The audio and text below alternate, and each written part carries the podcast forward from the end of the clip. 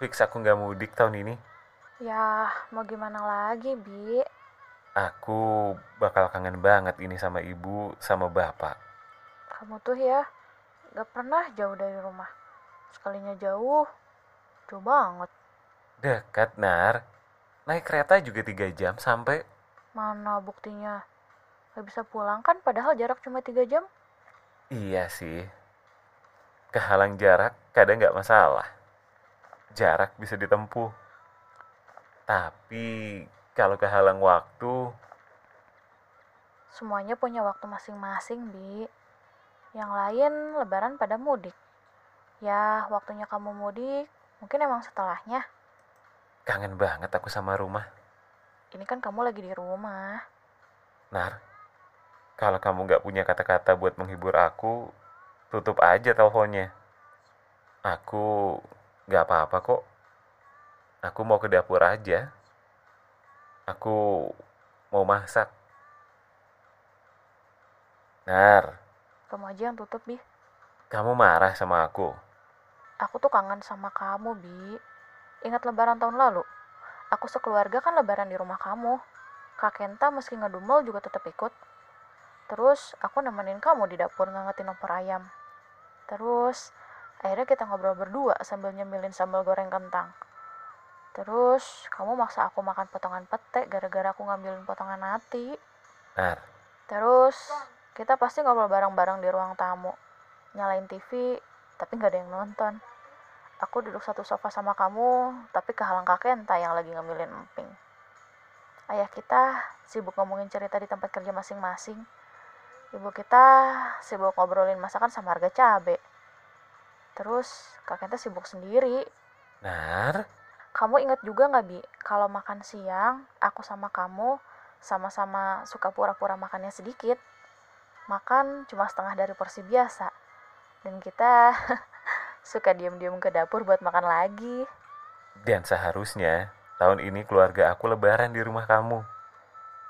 Kita udah nyiapin list masakan yang bakal kita masak bareng.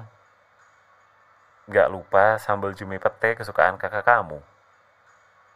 Terus kita juga udah browsing resep kue kering dan udah bikin daftar belanjaan. Aku inget, Nar. Aku inget janji aku ke kamu.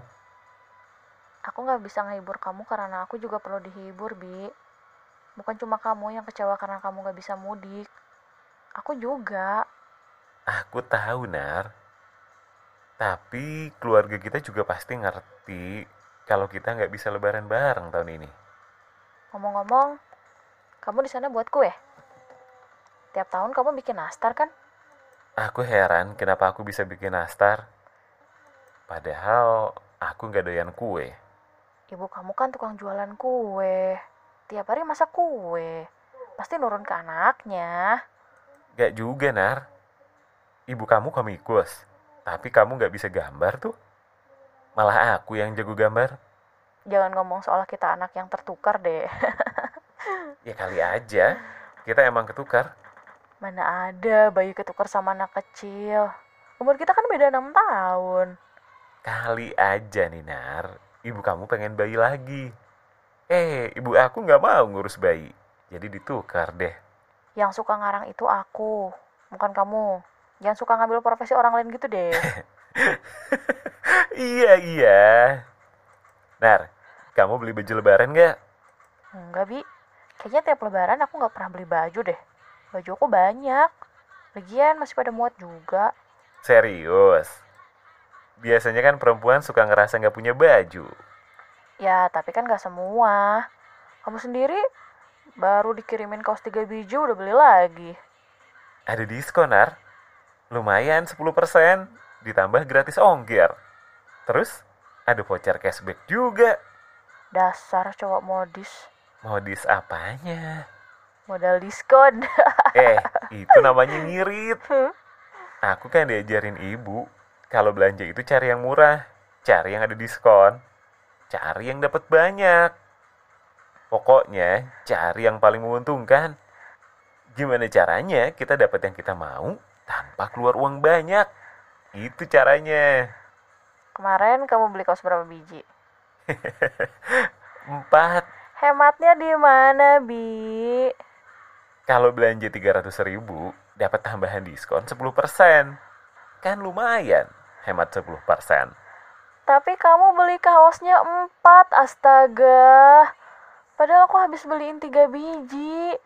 Ini yang sebenarnya nggak punya baju siapa sih?